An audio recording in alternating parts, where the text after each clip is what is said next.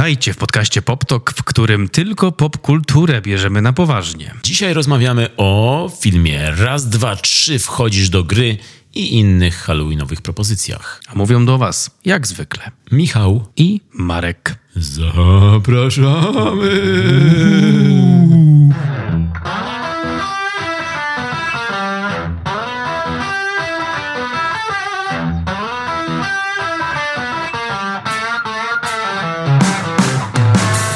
Może zacznijmy od tego, że wciąż jestem chory. Nie, nie przeszło. Więc jeśli jak tego słuchacie, to, to wiedzcie, że s, s, y, widzki i słuchacze i słuchaczki i widzowie, że y, to jest jesień, to jest prawdziwa jesień. Minął cały tydzień, a Marek jeszcze jest chory. W, w latach ludzkich minął cały tydzień, w latach poptokowych minęło 10 minut. I z lekarstwem dzisiaj e, przy, jak to powiedzieć, przybierzeliśmy, Do pędzimy. Betlejem. Do Betlejem, tak, do Betlejem e, popkulturowego, bo dzisiaj będziemy mówić o, e, w ogóle o horrorach. Cały, cały odcinek będzie o horrorach, będzie straszny.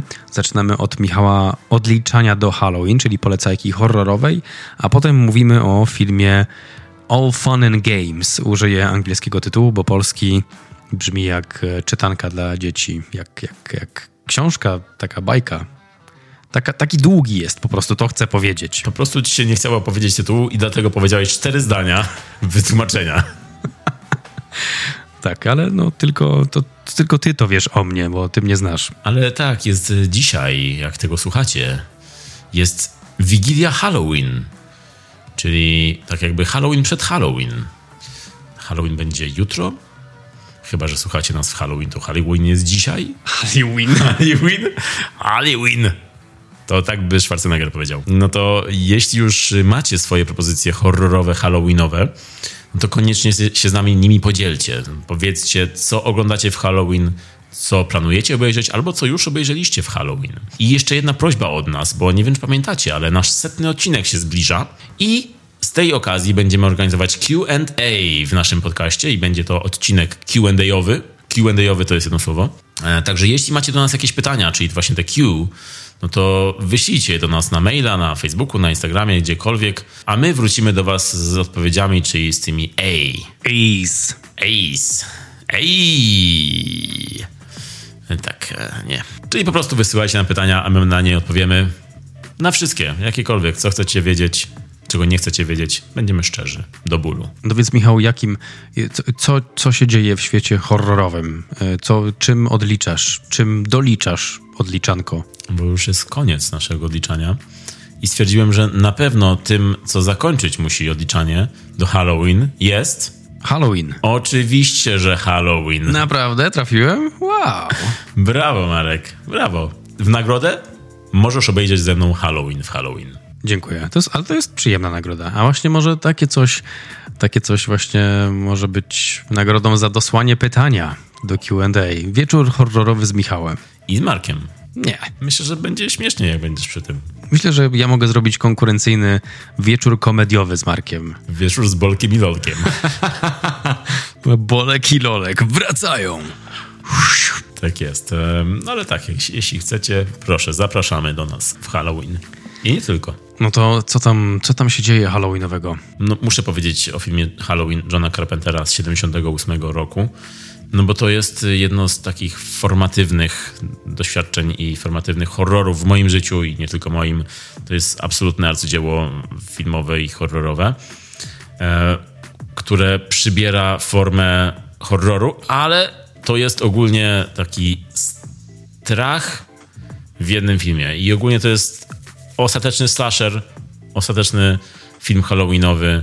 Film, który ja staram się oglądać regularnie w Halloween, a przynajmniej którąś z jego części, z części tego cyklu. Oglądałeś kiedyś Halloween? Oczywiście oglądaliśmy nawet razem. Ale to nową wersję. Już.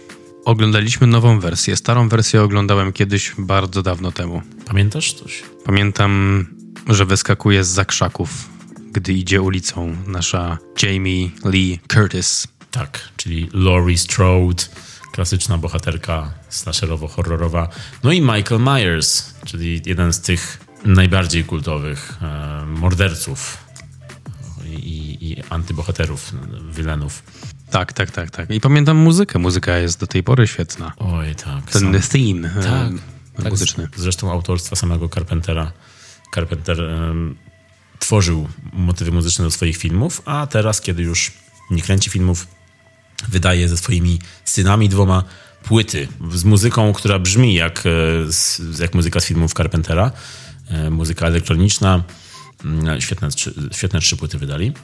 Ale tak, no wracając do Halloween, no to to, o czym wspomniałeś, czyli ujęcia, kiedy Laurie idzie ulicą i Michael Myers się czai za nią, to jest, to jest, to są ikoniczne sceny, jak dla mnie. Sceny przeciągniętego napięcia, sceny bezpiecznego przedmieścia, pełnego domków, takiego typowo amerykańskiego przedmieścia.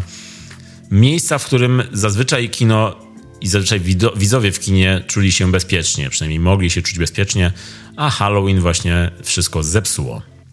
Michael Myers wparadował na to przedmieście, mm, na to osiedle domków jednorodzinnych i pokazał, że nawet w ciągu dnia, nawet w takim miejscu można naprawdę się bać i czuć ciary na widok jakiejś niepasującej figury w tej całej przestrzeni. Film się dzieje oczywiście w Halloween.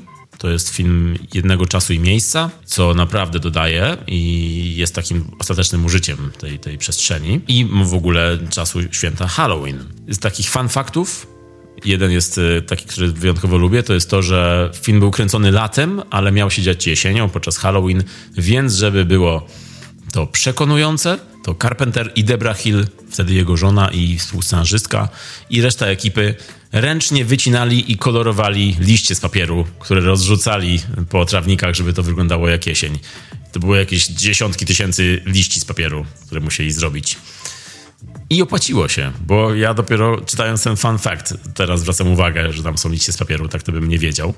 Film, który kosztował 325 tysięcy, a do dzisiaj ma swoje kolejne części, do dzisiaj ma remake'i, jest nowa seria Halloween, mm, której były trzy części i w której Jamie Lee Curtis wróciła i to był w zamyśle sequel oryginalnego Halloween, choć Halloween miało swój sequel Halloween 2, który powstał bardzo szybko po oryginale, bo w 81 roku i rozgrywał się w szpitalu, film, który też bardzo lubię. Ale nie wiem, czy wiesz, w zamyśle Halloween to nie miała być seria o Michaelu Myersie, ale to miała być seria, w której każdy kolejny film miał być inną opowieścią horrorową, halloweenową, która działa się w okolicy tego święta. Dlatego trzecia część Halloween, Season of the Witch, Sezon Czarownic, to jest jedyna część w serii, w której Michael Myers się nie pojawia.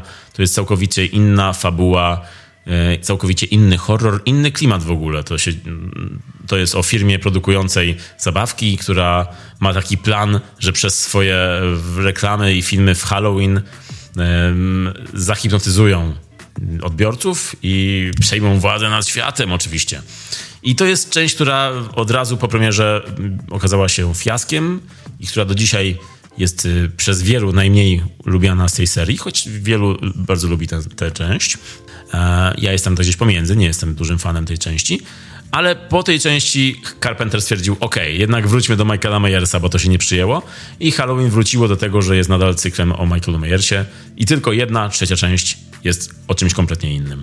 Także no, o Halloween nie mam za bardzo co tutaj mówić, bo wszystko zostało powiedziane i pewnie dobrze to znacie i wiecie, ale chciałem, no musiałem użyć tego filmu na tej liście, ponieważ jest to, jest to nieodłączna część mojego Halloween.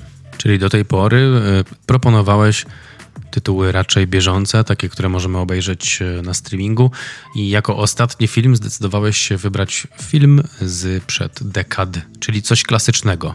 Tak, też taki był mój zamysł, żeby coś wrzucić do tego garnka, coś klasycznego. I dlatego tutaj jest Halloween. A jeszcze też, co muszę powiedzieć, to jest Donald Pleasance, bo oprócz Jamie Lee Curtis, która jest taką ostateczną Scream Queen, która zresztą nawet była w krzyku, scena z Halloween była użyta w krzyku, e, no to Jamie Lee Curtis do dzisiaj występuje w Halloween, w tych remake'ach i do dzisiaj gra postać Laurie Strode i jest to dla niej taka naprawdę wizytówka, za którą jest wdzięczna. No ale Donald Pleasance, aktor, który zagrał tutaj doktora Sama Lumisa, aktor kultowy, aktor horrorowy, który zmarł już e, lata temu. Mm, On, ja go najbardziej znam i lubię z, właśnie z tych filmów z Halloween. On tam później wraca jeszcze w kolejnych częściach, chyba w piątej części wraca y, już takie odcinanie kuponów to jest. ale no, postać sama Lumisa jest na tyle kultowa i na tyle mocna, że działa nawet w tych słabszych częściach no to on stał się później po tym filmie w kolejnych latach e, jakby na swojej aktorskiej emeryturze e, stał się takim aktorem horrorowym, który grywał w, w horrorach tanich, europejskich, amerykańskich, w różnych, ale, ale zawsze w jakimś horrorze musiał wystąpić, bo, bo zawsze był tym samym Lumisem, Donaldem Prezensem, który pojawia się w jakimś horrorze i to jest duże wydarzenie. Także no, to też dużo zmieniło w jego życiu. No i Halloween jest do dzisiaj, według mnie, filmem, który wywołuje ciary. Maska Michaela Myersa, która powstała e, z maski przedstawiającej twarz Williama Shatnera z serialu Star, Trek, e, tylko że została pomalowana. I Carpenter tak wymyślił, że ten bez, że ta twarz bez wyrazu to będzie taki ostateczny wyraz zła. I tak rzeczywiście jest do dzisiaj. Uważam, że ten widok Michaela Myersa kompletnie bez emocji, który powoli idzie, jest, jest do dzisiaj jednym z najstraszniejszych e, horrorowych zabiegów e, i cały czas działa. Co zresztą widać po tym, że właśnie seria remake'ów też okazała się dużym sukcesem i postać Meyersa do dzisiaj kryje w sobie jakieś jeszcze nieodkryte pokłady, które można cały czas odkryć. No bo to jest w końcu taki blank check, czysta kartka, na którą możemy sobie przenieść swoje własne koszmary.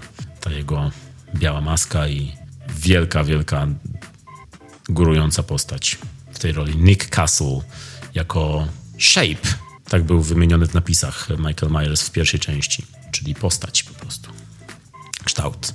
Także Marek, polecam Ci Halloween w Halloween. Wydaje mi się, że to jest bardzo fajna propozycja. Szczerze mówiąc, Halloween dawno nie oglądałem i Halloween wydaje się być naprawdę świetną okazją, żeby odwiedzić ten klasyczny tytuł. Na pewno nie jest to bardzo oryginalna propozycja, to przyznaję. E, jest to coś, co pierwsze przychodzi na myśl, ale jeśli jest to odliczanie, no to nie mogło zabraknąć Halloween. Jeśli chcecie jeszcze jakiś dobry horror e, obejrzeć w Halloween, bardziej z współczesnego kina, coś, co jest dostępne na streamingu, no to ja wam jeszcze polecam chociażby film Barbarian, Barbarzyńcy, który jest dostępny na Disney Plus i jest horrorem bardzo współczesnym, nowoczesnym, też troszkę nietypowym, ale który bardzo, bardzo dobrze działa. Jeden z lepszych horrorów ostatnich lat według mnie. Zresztą film, który odnosi się do filmu Strach, Angst, niemieckiego filmu o seryjnym mordercy z lat 80., no to, to musi być dobry film już sam w sobie. A ten film to robi. Także Barbarzyńcy polecam też wam, w razie gdybyście Halloween widzieli i nie chcieli już oglądać. Myślę, że um, zarówno ja, jak i słuchacze czekają, aż więcej tytułów podasz, bo jesteśmy pewni, że po prostu je masz i siedzisz teraz pełen ekscytacji, czekasz, aż będziesz zapytany, więc Michał, co jeszcze można obejrzeć w Halloween? Po prostu zróbmy teraz wyliczankę taką. Ja będę wymieniał różne tytuły przez następną godzinę i pożegnamy się i koniec. Ja po prostu cię zostawię tutaj z mikrofonem i pójdę sobie pograć w cyber, Cyberpunka, a ty do your thing. Mówisz masz. Oczywiście mogłoby tak to wyglądać, ponieważ Michał ma ogromną wiedzę na temat horrorów, horrorową wiedzę. Na. E, ale możemy zagrać w inną grę, grę, która pojawiła się w, w filmie e, All Fun and Games, czyli raz, dwa, trzy, do gry wchodzisz ty, tak? Dobrze mówię po polsku? Mówisz po polsku, ale nie mówisz dobrze tytułu. Dobrze. Raz, dwa, trzy, wchodzisz do gry. Okej, okay, okej. Okay. Ankieta. Który tytuł po polsku był lepszy? Mój czy ich? W każdym razie w tę grę możemy zagrać, bo w tym filmie w ogóle jest też, pojawia się przynajmniej koncept gry i pojawia się koncept, no bo taki archetyp postaci wręcz Myersowej można powiedzieć. Osoby, która e, nawet jak idzie wolno e, i szuka osób uciekających, to i tak je dogania i i tak wyrządza im krzywdę. Typowy Mike Myers. Typowy Michał, może tak. Typowy Michał. Jest to film, który no, dopiero się pojawi w kinach, bo wejdzie on, jeśli mnie nie myli moja chora pamięć, chora od zatok, to 10 listopada. 10 listopada premiera w kinach, ale niektórzy już mieli okazję oglądać ten film na maratonach halloweenowych, horrorowych e, w kinach w całej Polsce. Jeśli go widzieliście, no to czekamy na wasze wrażenia. Jeśli jeszcze nie widzieliście, no to tak jak Marek powiedział, 10 listopada premiera po halloweenowa i ten film dzisiejszy, o którym będziemy rozmawiać, możecie też obejrzeć w ramach festiwalu Splat Film Fest w Warszawie, e, czy też, czy też we Wrocławiu. E, film będzie tam puszczany pośród gromady innych horrorów. To jest zawsze niesamowite doświadczenie. Dla każdego fana kina gatunkowego to jest no, topowe doświadczenie. Jeśli chodzi o Polskę, no to chyba lepiej nie ma, jeśli chodzi o horrory. Także my wam polecamy bardzo ten festiwal. Polecamy wam też seans tego filmu na tym festiwalu. Może się zobaczymy w Warszawie, a pewnie jak to jest, tego słuchacie, to jest już końcówka festiwalu, jesteśmy na mecie, ale my tam jesteśmy, także pozdrawiamy was i zapraszamy. Jesteśmy na mecie i pijemy wyborny alkohol. Oczywiście nie. A na splacie też zobaczycie chociażby film VHS 8.5. Ja bardzo na niego czekam. I pewnie jak już to słuchacie, to już go widziałem, ale no, jeśli macie okazję, no to splat zawsze na propsie. No to może powiedzmy najpierw, o czym jest film Raz, dwa, trzy. Wchodzisz do gry. Wejdźmy w to. Wejdźmy i wejdźmy do samochodu albo do samolotu, który zabierze nas do miasteczka Salem w Stanach Zjednoczonych. Salem może nam się kojarzyć z wiedźmami z Salem. Była to dosyć głośna sprawa. Również nie wiem o czym mówię, natomiast Salem kojarzy mi się z wiedźmami. Czy, czy dobrze mi się kojarzy, Michał, ekspercie? Czarownice z Salem zgadza się klasyka literatury, ale też ogólnie klasyka historii Stanów Zjednoczonych, czyli miejsce, gdzie czarownice palono na stosie. No i właśnie tam, co może się wydarzyć w Salem, przepraszam bardzo, idź na bałuty i otwórz kwiaciarnię, zobaczysz jak to się skończy. Ludzie, którzy mieszkają w Salem, doświadczają pewnych złych rzeczy, demonicznych wręcz. Dochodzi do mm, odszukania przez pewnego chłopca, który mieszka tam z rodziną, artefaktu, który jest w pewien sposób naznaczony jakimiś demonicznymi mocami. No i, no i dochodzi do połączenia między tym chłopcem a tą mocą, która okazuje się być bardzo niszcząca i toksyczna. No i, no i ta moc zostaje przekazana, jest w ogóle w trakcie filmu przekazywana innym osobom, no i dzieje się piekło na ziemi, ponieważ ta osoba zamienia się w tę demoniczną postać, a raczej ten demon wchodzi w tę osobę i używając jego ciała e, zaczyna eliminować swoich przyjaciół, e, swoich bliskich ogólnie. I wtedy właśnie pojawia się koncept gry, ponieważ ten demon tak się akurat y, składa, że lubi grać w chowanego. O. POV, mieszkasz w Salem, znajdujesz nawiedzony nóż, który do ciebie mówi i nie uczysz się z historii Ameryki i swojego miasta, tylko idziesz w to. I czytasz to, co jest tam napisane. Jednym ze słów, które czytasz jest demon, ale to cię nie zniechęca. Czekaj, czekaj, kurwa, to chyba mój. Czujesz, jakby ludzie znajdowali e, nóż, który Mariusz Czajka opisał i ludzie, którzy by czytali ten nóż, nóż, okazywałoby się, że Mariusz Czajka w nich wchodzi. I chodziłby po ludziach i tylko sadził teksty z poranku Kojota. To był poranek Kojota? Chłopaki nie płaczą. Chłopaki nie płaczą. Wow, tak. To, to bałuty bardziej niż Salem. Także tak, no dobrze, że takie rzeczy się dzieją w filmach, bo dzięki temu mamy horrory, dzięki temu mamy właśnie takie schematy, które budują nam nasze doznania horrorowe. Dla mnie to dobrze. Chociaż powiedziałem o kwieciarni na bałutach, a to jest całkiem dobry biznes na bałutach, no bo wiadomo, że pogrzeby też istnieją. Nawet na bałutach częściej istnieją. Nie każdy zna bałuty, słuchaj. Nie każdy. Także ta fabuła, którą opowiedziałeś, fabuła filmu, to był scenariusz, który trafił do producentów parę lat przed powstaniem tego filmu. Tutaj mam parę słów o tym, jak to się stało, że raz, dwa, trzy wchodzisz do gry, weszło do gry parę słów w języku Michała Millera to jest całkiem sporo czasu. Także sit back, relax. Tak, przygotujcie napoje i przekąski. Bo za tym filmem, słuchajcie, stoi taka firma, która się nazywa Agbo. E, tutaj Gozi Agbo to jest taka gałąź tej firmy, która odpowiada za e, kino niezależne, kino młodych, nowych twórców. A za firmą Agbo stoi nie kto inny jak Joe i Anthony Russo czyli bracia Russo, o których mówiliśmy już tutaj w tym podcaście przy okazji recenzji filmu Greyman. W tym odcinku o Greymanie mówiliśmy bardzo szeroko o braciach Russo i tam was odsyłamy też, ale tak w skrócie. Są bracia Russo, którzy e, zaczynali od kina niezależnego, komedii sensacyjnych, filmów lekkich i przyjemnych. Później przeszli do telewizji i kręcili odcinki takich seriali jak komediowych jak Community na przykład i później dostali szansę od Marvela i od Disneya na ugryzienie MCU, czyli weszli w Kapitana Amerykę najpierw. Twoja reakcja. Twoja... Wow. Największe zaskoczenie dzisiejszego nagrania to był, to był Tyson ze swoim peekaboo move. Dostali szansę i weszli w MCU jak w masło hmm, filmem Kapitan Ameryka Zimowy Żołnierz. I od tej pory stali się nadwornymi reżyserami Marvela. Zrobili jeszcze Kapitan Ameryka Wojna Bohaterów oraz, jak wiadomo, dwie części Avengersów Wojna bez granic i koniec gry, czyli jeden film podzielony, na dwa. I od tej pory robią kino hollywoodzkie, kino lekkie i przyjemne, czyli Greyman to jest ich projekt Netflixowy, kino akcji z Ryanem Goslingiem.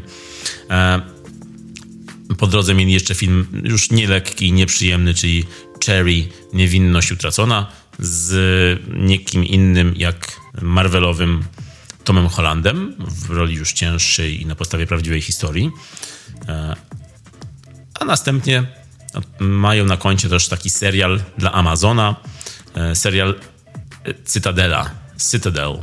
Jeden z naj, najdroższych seriali w ogóle ever, który był zapowiadany jako wielki, wielki hit Amazona i kiedy wyszedł okazał się wielkim, wielkim e, fiaskiem.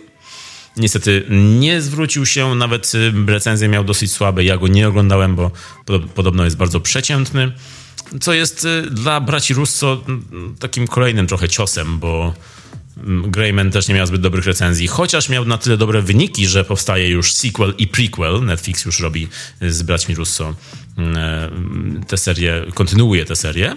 Natomiast Cytadela miała mieć kolejne sezony, ale nie wiem, czy to się, chyba to się nie zapowiada, bo, bo wyniki były słabe, recenzje były słabe, a ambicje były bardzo duże tutaj. Natomiast bracia Russo, a jest jeszcze jedna siostra Russo, bo Angela Russo to jest e, ich siostra, którą oni wciągnęli do tej gry i do swojej firmy i ona razem z nimi teraz zarządza różnymi projektami, a tych projektów mają kilka naraz. Mm, e, na pewno jednym z kolejnych nowych projektów braci Russo jest e, taki też mocno zapowiadany film Electric State, który ma być widowiskiem akcji.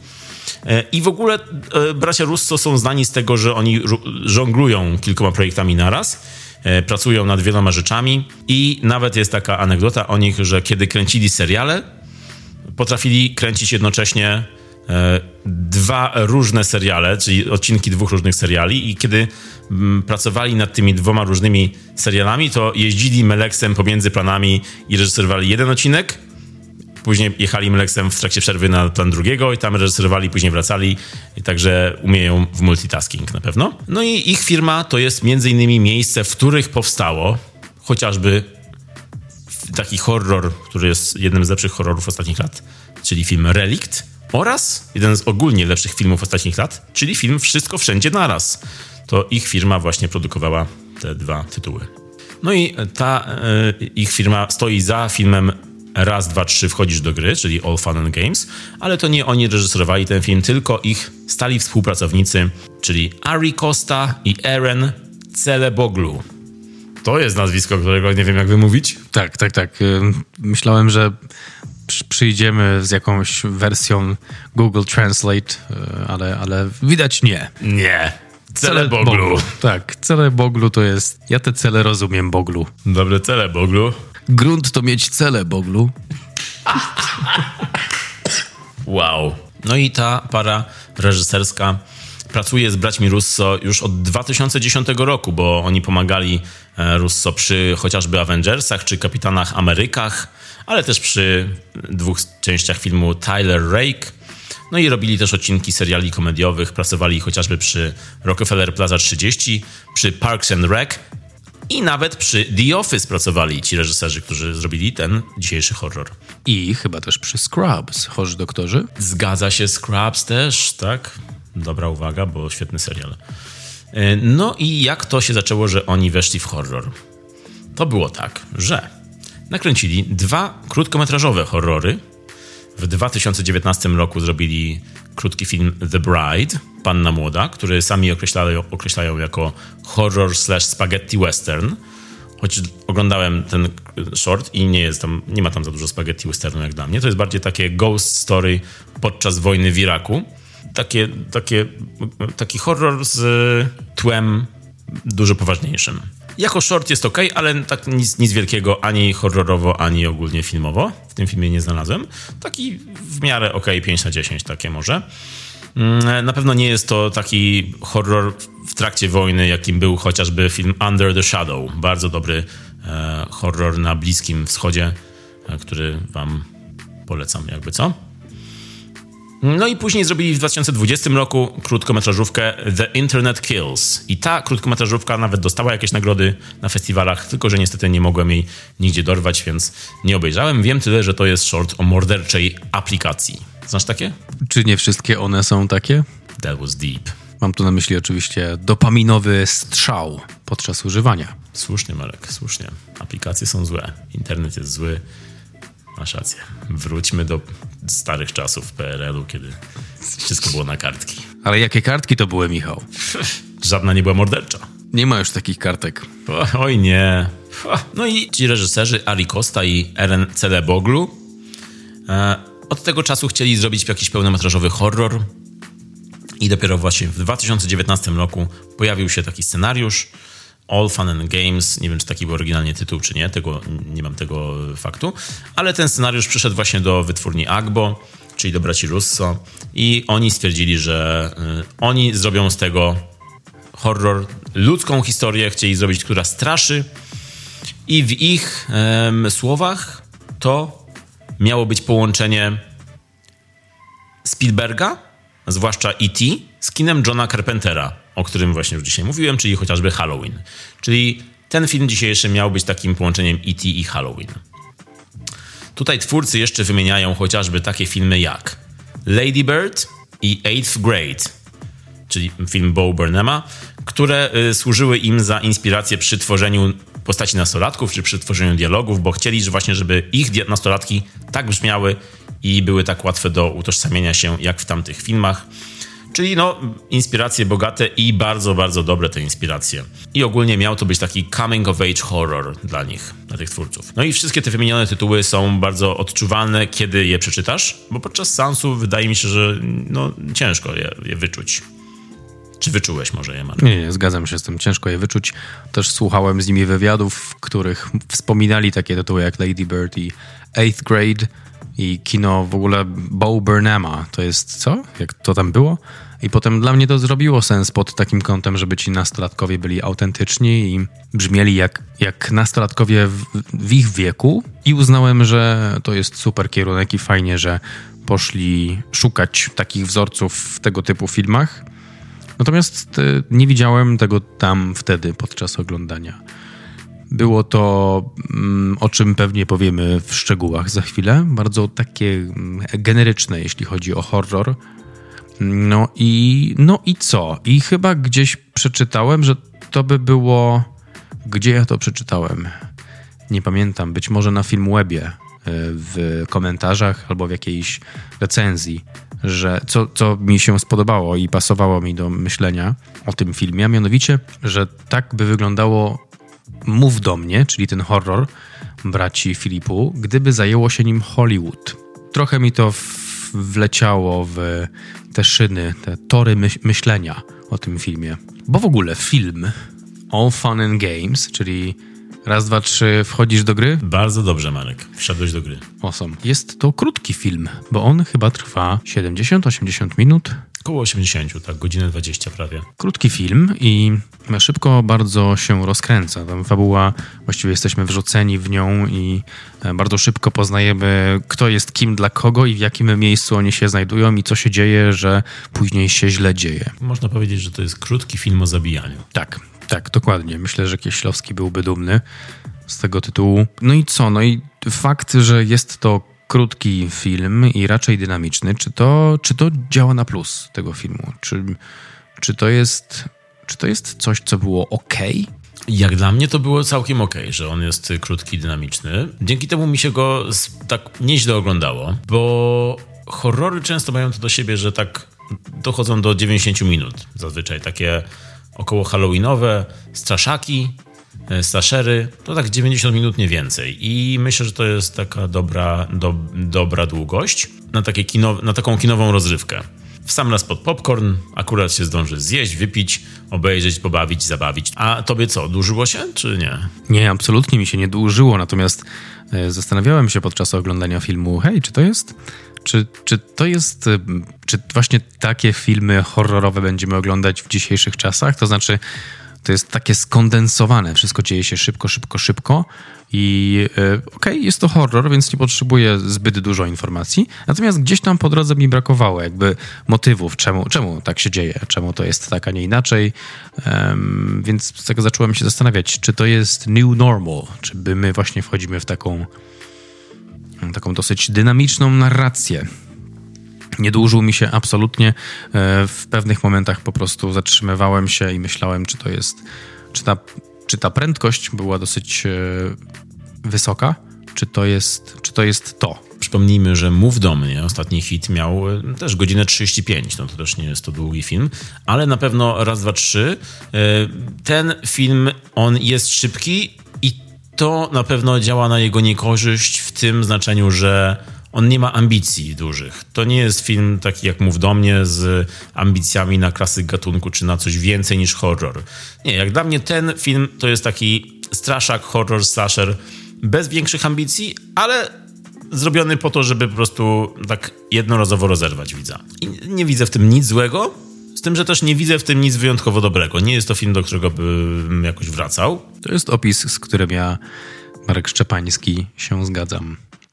Aczkolwiek istnieje e, taka myśl, że, że, że sequel się pojawi. Być może, być może. Ostatnio też nam trochę wyspało takich, zwłaszcza horrorów, y, o grach i o młodzieży grającej w gry. Mów do mnie jest, no, jest tak na granicach tego trendu, bo tam mamy młodzież bawiącą się z jakimś przedmiotem i też grają w jakąś grę jednego rodzaju. Tutaj mamy schemat na zasadzie jedna gra za drugą, czyli Y, wymienianie mm, gier i dopasowywanie ich do fabuły, do horroru, do, do zabijania, czy tam do odhaczania ofiar. Ten motyw zresztą ostatnio bardzo popularny, zwłaszcza myślę dzięki serialowi Squid Game, który bardzo wylansował te różne bardziej i mniej typowe gry, ale no były takie horrory nie tak dawno, jak chociaż Truth or Dare, czyli Prawda czy Wyzwanie. I tam właśnie gra prawda, w Prawda czy Wyzwanie była taką główną osią fabuły horroru. E, tutaj mamy kilka gier i ta część e, właśnie growa była dla mnie obietnicą niespełnioną, bo zaczęliśmy od tego, tam był chyba Wisielec pierwszy, Hangman, później mieliśmy grę Wchowanego, a później była taka amerykańska, której nie, nie, nie kojarzyłem. Pamiętasz, co to było?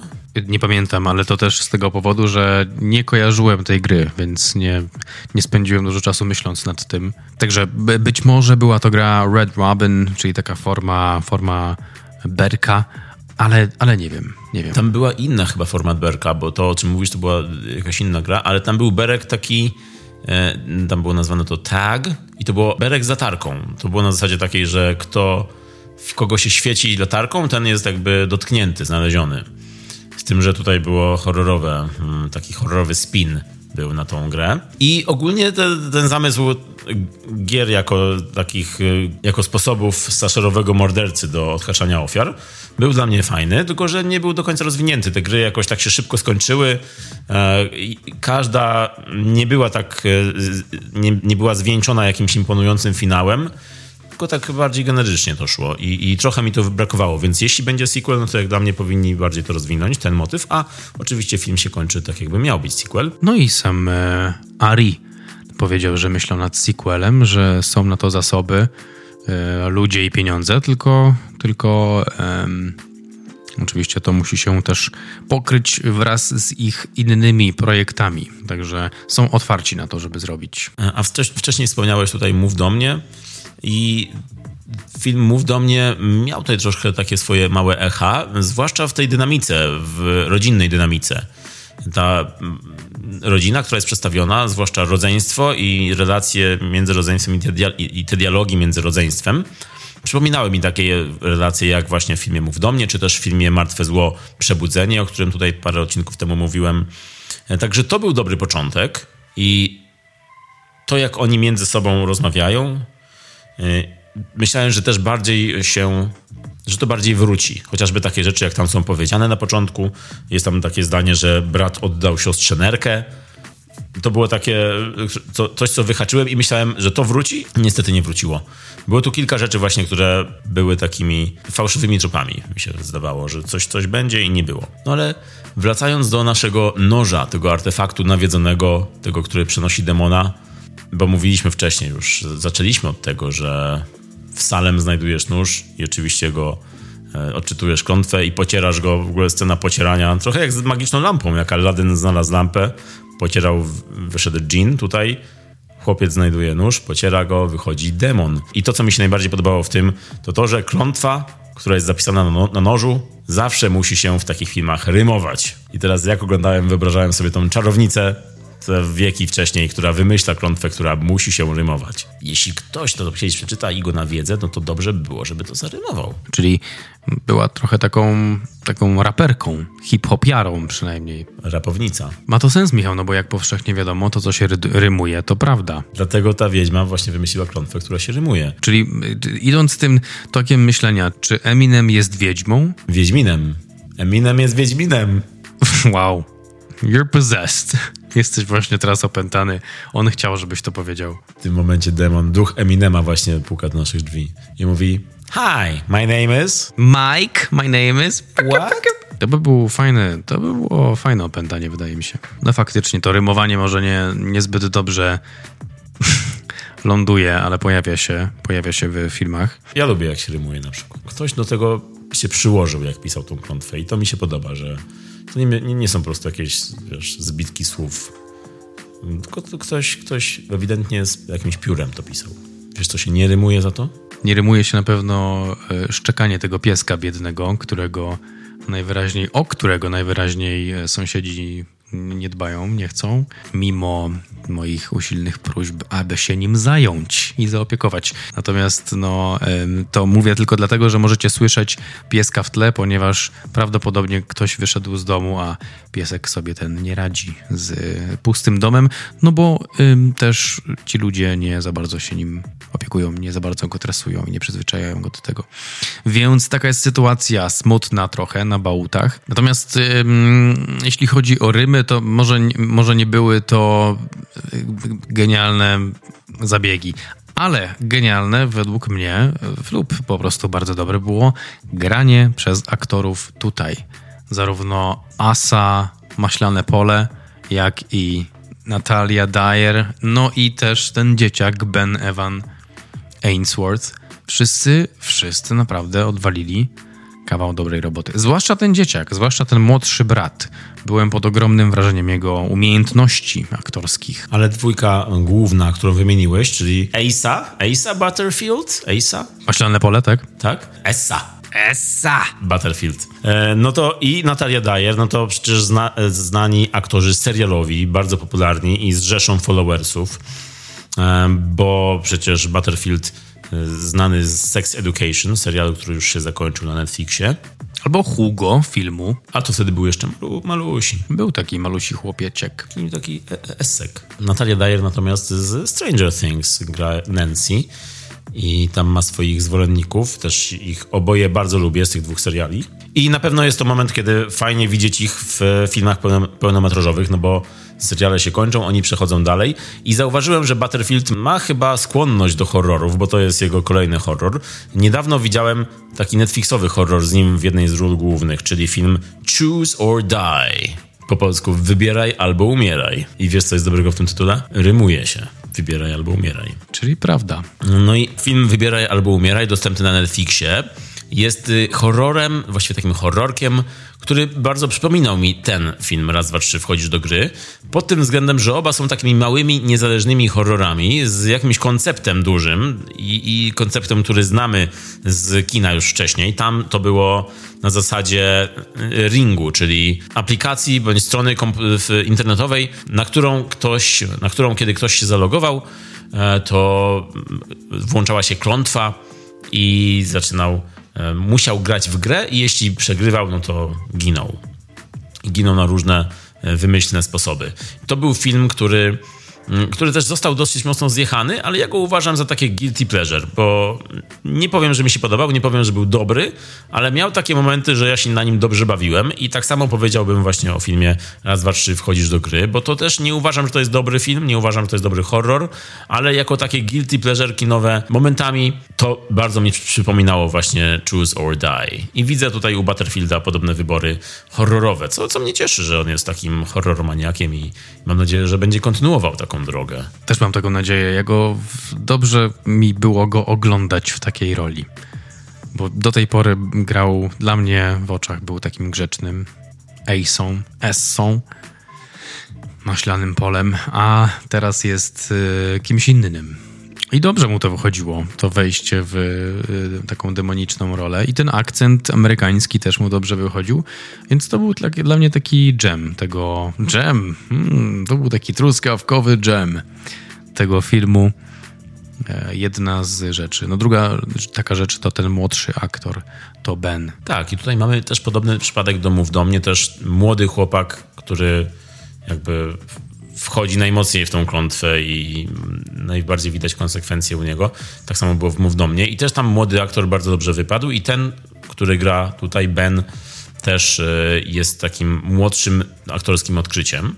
Muszę przyznać, że może nie tyle go tak niszczy ta klątwa, to opętanie, co bardzo dobrze sobie z tym radzi. Chyba najlepiej z tych bohaterów. Po prostu ogarnia to całkowicie. W sumie przeciwne trochę niż Mów do mnie, bo tam sobie gość nie radził, a ten tutaj tak. kieruje wszystkim. Tak, a tutaj pokazał taką żelazną dłoń. Dopiero Butterfield trochę się złamał. Natomiast tych, e, niektóre z postaci też w ogóle dla mnie nie zagrały. Są tam tacy bohaterowie, którzy są ewidentnie mięsem armatnim, jak ten wujek, który wchodzi nagle w trakcie filmu do, do domu podczas imprezy, taki z wąsem i wchodzi tylko po to, żeby zaraz zostać zabity. Po prostu nic, nic kompletnie nie robi, nie ma żadnej roli, więc to było takie mm, bardzo mm, niedopisane jak dla mnie w scenariuszu. I tam jest kilka takich momentów, które są zarysowane, ale nie są do końca dopieczone, dopisane. No i jest, y, jest klasyczna postać Billy.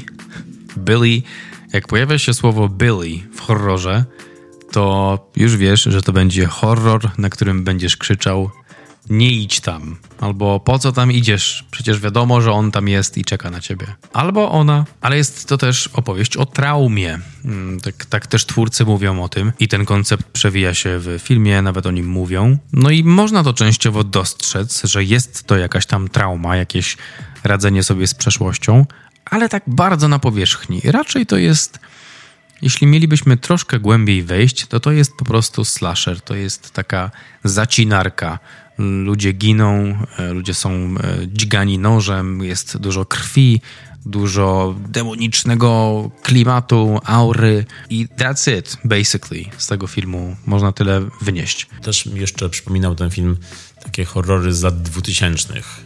To był taki throwback trochę do filmów, gdzie wizje były takie żółto zgniłe i bardzo przypominały mi właśnie takie horrory. E, z wczesnych lat 2000. Ten montaż taki szybki, jakby właśnie filmowcy obejrzeli piłę i chcieli to odtworzyć. I zakończenie zresztą też bardzo very 2000, czyli nie dla każdego, ale jak dla mnie ma swój taki miły urok, taki miły throwback do czasów, kiedy horrory były bardzo proste, krótkie i miały na celu tylko po prostu wywołanie kilku dobrych jumpscarów, kilku emocji i nie jest to nic więcej i te ambicje, które twórcy sobie przypisują, ja bym je raczej od, odstawił na bok. I przyznam się do tego, że to jest po prostu zwykły slasher, straszak na jeden wieczór. Right? Slasher, straszak, czyli slashak. Może Marek, jakaś ulubiona scena z tego filmu? Najbardziej e, pasowały te momenty, w których Asa, Butterfield, Asa, Essa, wiadomo, kogo chodzi, przemieniał się, przemieniał się w tego złego. To było super. To było super oczywiście dlatego, że nie widziałem go takiego wcześniej, ale on też aktorsko fajnie to opanował i to, to było takie, że wierzyłem w to. Nice. To było nice. Wydoroślał na ekranie, bo zaczął zabijać ludzi. Nie, ale, ale bardzo fajnie było obserwować tę zmianę u niego konkretnie. Jeśli by to był, no wiesz, Michał, jeśli by to było jakieś inne dziecko, American Sweetheart, które do tej pory grałoby łagodne role i tak bym kojarzył tego człowieka i nagle by się okazało, że jest to Miley Cyrus na wielkiej kuli, to też bym powiedział, ej, that's impressive. Przy czym Miley Cyrus nie było impressive, ale w, w, wchodzi o tą zmianę ekranową. Taką, jestem aktorem, a nie tym typem, którym byłem przez 10 lat. Jeśli ja bym miał powiedzieć, co mi się najbardziej podobało, no to najbardziej utkwiła mi ta gra, w którą pod koniec filmu grali, czyli ten berek z latarkami. E, to mi jakoś tak zadziałało. To był dobry pomysł, fajnie wykonany. Mogli, tego, mogli z tego zrobić coś więcej, ale to był moment chyba, w którym byłem najbardziej e, kupiony. I, I tak, i to, to mi się tak dobrze oglądało. Oprócz tego ten to wstęp, to jak budowali tą całą rodzinę i relację, to, to mnie wciągnęło. Później już nie dostarczył ten film tego, co obiecał. A to, co mi się z, raczej nie podobało i to, co mnie wręcz na wstępie rozśmieszyło, to to, jak ten film się zaczyna. Czyli pierwsze dialogi tego filmu i pierwsze ujęcia, kiedy Asa, Essa jest aresztowany i idzie do tego w zwolnionym tempie e, w kajdankach do radiowozu i ta jego siostra, narratorka opowiada tutaj historię i zaczyna słów wiem, co myślicie. Mówi coś na zasadzie, że to jest jedna z tych najbardziej tajemniczych historii true crime w naszym miasteczku. A ja sobie myślałem, że wcale nie. Wcale nie myślę w ten sposób. Nie wiem, kim jesteście nawet jeszcze. Jak to w ogóle tak mnie rozśmieszyło na wstępie. Kiedy ona mi tak powiedziała, narratorka i mówi coś takiego, kiedy ja wchodzę w horror, jeszcze nie wiem, kto to jest i w ogóle nie wiem, co się stało. To mnie tak rozśmieszyło bardzo, tak, tak się poczułem taki, że that's bad screenwriting. tak, to było, tam było trochę narcyzmu z tym, z tym początkowym intro. Wiem, co myślicie. Wow. Really? I don't think so. I don't think you do. Tak, także to mnie, tak? I, I a propos tej narracji, to też było, powiedziałeś wcześniej, że ten film jest o traumie i ta trauma jest rzeczywiście głównie w narracji. Tak. Kiedy ta siostra, główna bohaterka, czyli Nancy ze Stranger Things, opowiada o tym, że ten ich ojciec był taki um, przemocowy i że to było ciężkie dzieciństwo, ale później na szczęście się wyniósł. I koniec tego wątku. Koniec traumy, tak, tak. Tak, koniec traumy. I tutaj i to był dobry materiał, gdyby oni to pokazali w ogóle jakoś. Gdyby ten film nawet o te 10 minut rozszerzyć i wprowadzenie zrobić jakieś porządniejsze, a nie tylko z narracji Zofu opowiadać o tym, e, co, co tam było w przeszłości. Pokazać to jest kino, trzeba wizualnie, ładnie i wtedy byśmy byli kupieni, a tak to nie, nie, nie zależy nam aż tak bardzo na tych bohaterach przez to. Yeah, yeah, that's true. Zależy mi bardziej, żebyśmy zrobili... Podsumowanko. Opowieść o traumie z OFU. To może być ten tytuł. Ale, ale ten tytuł się nie rymuje. Więc nie zadziałałby. Chociaż tytuł All Fun and Games też się nie rymuje. To prawda. Czemu łamią zasady? Czy tam była trauma? Nie wiem. No była, ale w opowieści takiej, takiej e, narracyjnej e, tak nas naprowadzają na to bohaterzy. Ja tego nie odczułem za bardzo. To, co odczułem, to to, że bardzo szybko i generycznie jesteśmy, szybko zaczynamy i jesteśmy w dosyć generycznej opowieści, która troszkę może stara się być bardziej skomplikowaną opowieścią o tej traumie. E, trauma jest dosyć zwykle interesującym konceptem w filmach, ale tutaj było jej mało. Szybko dowiadujemy się, kto jest kim dla kogo, wchodzimy w relacje te rodzinne, te, te międzyludzkie E, szybko zaczynamy grać w niebezpieczną grę, szybko pokazuje się ta klątwa, e, trochę, trochę jest płytko w fabule, no bo pojawiają się jakieś wskazóweczki. Tutaj Michał powiedział o tym przemocowym ojcu na przykład. E, nie było tego widać na ekranie. Ten, ten, ten, ten demon, który się pojawia lub który uwięziony jest w tym ostrzu, też jakoś tak mało o nim czułem niedosyt, nie za bardzo wiedziałem why, why, czemu, jaka jest motywacja, czemu on to robi. Tam było, był fragment historii tej całej wioski z wieku XVII chyba, kiedy to wszystko się zaczęło, ale, ale jakoś brakowało mi rozwinięcia też tej e, ich rzeczywistości ówczesnej. Wizualnie, wizualnie myślę sobie i też tak produkcyjnie ten film e, sobie radzi, e, tylko fabularnie jest gorzej. Wspomnieliśmy wcześniej o inspiracjach, w których pojawiły się filmy Lady Bird albo Eighth Grade. Filmy, które nie są horrorami, ale które miały służyć za fundament do tworzenia postaci nastoletnich i to jest dobra inspiracja, natomiast oglądając film nie widzi się tego, nie widzi się tamtych postaci. Ja trochę widziałem Nancy ze Stranger Things, to znaczy ona trochę wrzuciła tej Nancy do, do tej, do, do roli w filmie All Fun and Games. Być może mm, taką miałem też myśl, że gdyby bracia Filipu nie, nie wypuścili filmu Mów do mnie, to może ten film by sobie trochę lepiej poradził, bo teraz mam trochę taką zagwostkę. Trochę odbijam film Raz, dwa, trzy, wchodzisz do gry od filmu Mów do mnie, bo tam też kilka, kilka rzeczy było podobnych, kilka motywów, wątków. Ase, Ace bardzo fajnie widzieć w tego rodzaju filmie.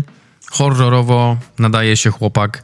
Ben też się nadaje jak najbardziej. Natalia Dyer też jak najbardziej, co już nieraz udowodniła. No i co? No i, e, no i ode mnie 6 na 10. Myślę, że tam jakiś potencjał może był na, na bycie dobrym horrorem. A pieniądze na pewno, producenci na pewno, aktorzy też, czyli twarze, zasoby się zgadzały. Natomiast był to bardzo szybki film i trochę, trochę płytszy niż, niż można było się spodziewać.